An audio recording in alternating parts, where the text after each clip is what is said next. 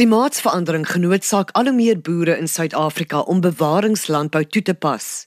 Ons het in reeks 1 van die kookstuig met Dr. Johan Strauss van die Wes-Kaapse Departement van Landbou en 'n paar boere hieroor gesels en sit vandag die gesprek voort met Graan SA se bewaringslandboufasiliteerder Dr. Hendrik Smith. In sy woorde, Die omgewing en boere het bewaringslandbou dringend nodig. Die tekens wat moeder natuur gee, sluit in watererosie, winderosie, 'n verlies aan grond, koolstof en biodiversiteit, die uitwerking van gevaarlike landbouchemikalieë en uiteindelik die tekens van klimaatsverandering.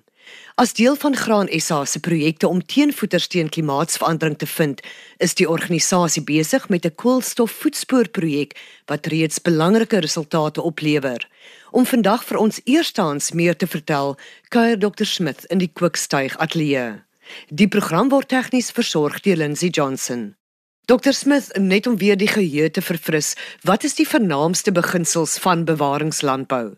Dis maar die eerste beginsel is um, minimale meganiese grondversteuring. Dit beteken ons plant uh, sonder om te ploeg met geen bewerking of minimale bewerking. Tweede beginsel is permanente organiese grondbedekking met oesreste of uh, dekgewasse.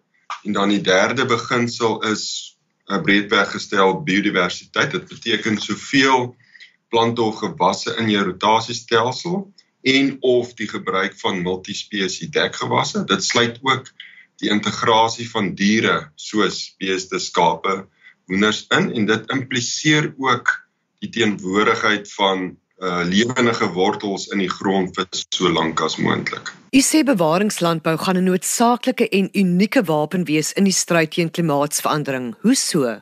Ja, boere sit natuurlik met hierdie unieke geleentheid om oormatige koolstof of kweekhuisgasse in die atmosfeer weer vas te lê in die grond met dan uit die atmosfeer uit te trek. Nou dis ook 'n verantwoordelikheid of 'n morele plig amper want baie van ons grondkoolstof tussen 50 en 75% daarvan is deur uh, dekades se bewerking vernietig en dit sit nou in die atmosfeer en uh, dit dra by tot aardverwarming. So as ons dit terugplaas in die grond hanteer ons sommer twee probleme gelyk. En die een is die verwydering van hierdie kweekhuisgasse wat aardverwarming veroorsaak en dan ook ons stop hier en draai hierdie grond agteruitgang om. Nou in die proses verbeter ons die grondgesondheid, so ons herstel die grondwatersiklus wat beteken dat ons elke druppel kosbare water baie meer uh, doeltreffend gebruik in die produksie van graan. En dit gaan natuurlik al hoe belangriker word soos aardverwarming plaasvind. Natuurlik, uh dit is uh, baie belangrik want uh, in die proses bedek ons die grond, ons bou meer koolstof in die grond. Met ander woorde die waterspons of die grondspons word beter en hoe minder kosbare water in hierdie proses verdamp en wegloop en hoe meer water infiltreer in die en word in die grond opgegaar, hoe beter vir ons. Dr Smith, wat bepaal hoe suksesvol bewaringslandbou is of gaan wees? Dis maar dit hang alles af hoe goed die boer die bewaringslandbou beginsels in sy eie realiteit kan toepas en aanpas. Hoe gouer en hoe beter dit gedoen kan word, gouer kan hy 'n positiewe impak maak op sy grond en sy produktiwiteit en sy winsgewendheid. Julle koolstofvoetspoorprojek in die Wes-Kaap is reeds in fase 3 en julle is nou in die beginstadium van dieselfde projek in die noorde se somerproduksie areas. Wat lewer julle resultate tot dusver op? Ja, ons hoof oogmerk is om die koolstofvoetspoor van verskillende produksiestelsels in elk van die verskillende substreke in hierdie geval nou die Swartland en die Suid-Kaap te ondersoek. So die stelsels is 'n konvensionele bewerking en bewaringslandbou wat op hierdie stadium toegepas word en dan het ons ook 'n per definisie 'n toekomstige goeie bewaringslandboustelsel gedefinieer. En dan die gewasse in die stelsels is koring, medics, lupine, gars en canola. Nou in fase 1 het ons die kweekhuisgas vrystellings van elke produksie inset in elke stelsel bereken. Dis nou goed soos brandstof, kunsmis, kalk, onkruiddoders ensovoorts. En in fase 2 het ons die koolstofvaslegging van hierdie stelsels beraam.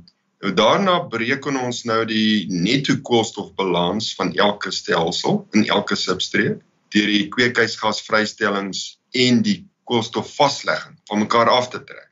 So nou het ons die netto koolstofvoetspoor en in die proses gebruik ons uh, geskikte metodes en modelle en dit word deur ons vennote Blue North en TerraSim gedoen. So volgens ons berekenings is die huidige stelsel se totale kweekhuisgasvrystellings 1200 kg koolstofdioksied per hektaar, maar ons kan dit verlaag na 800 kg koolstofdioksied onder beter bewaringslandboustelsels in die toekoms. Ons het ook gevind dat kunsmis, spesifiek stikstofkunsmis, tans vir sowat 70% van die kweekhuisgasse verantwoordelik is.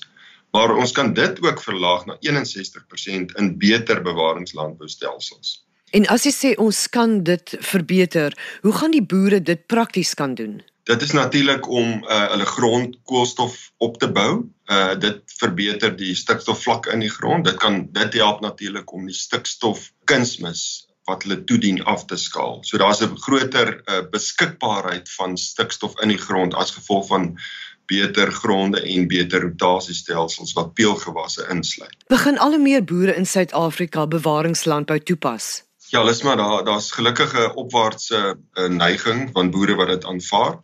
Uh, Natuurlik in die Wes-Kaap is dit al 'n groot aanvaarding van bewaringslandbou in plekke soos KwaZulu-Natal ook, maar in die noordelike mieliestreke is dit nog relatief klein, hier tussen 10 en 20%, maar ons sien 'n goeie uh, bewusmaking en 'n goeie opwaartse neiging selfs hier in die noorde onder bewaringslandbou. Is almal prakties en seker ook finansiëel by magte om dit te kan doen? Ja, ek sal nie so sê nie. Ek dink daar's 'n groot behoefte aan meer kennis en vaardighede uh, om bewaringslandbou veral in jou omgewing op jou plaas te doen. En natuurlik almal is nie finansiëel in staat vir al die kleiner boere om om te swaai om nuwe toerusting te koop nie. So ons het 'n nodig om beter aansporings finansiële aansporingsmaatreëls ook in plek te sit om boere te help om makliker finansiëel om te skakel. En waar kan boere in hierdie stadium bewaringslandbou wenke kry? Dis maar ek dink die, die maklikste en die beste is altyd om by jou boer eh, ander boere uit te vind hoe dit werk, veral in jou streek, jou buurman wat dit doen.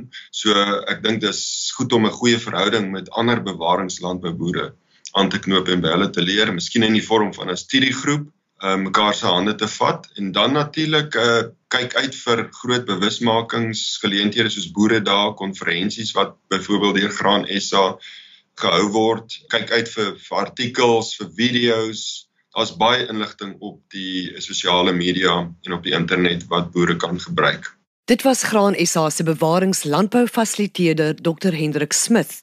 Hy het vandag bekragtig hoe noodsaaklik bewaringslandbou word, maar dat die sukses afhang van hoe goed jy die beginsels na gelang van jou omstandighede toepas. Die program word ondersteun deur die Wes-Kaapse Departement van Landbou. Ons groet tot volgende week. Onthou die aarde is kosbaar. Kom ons bewaar dit.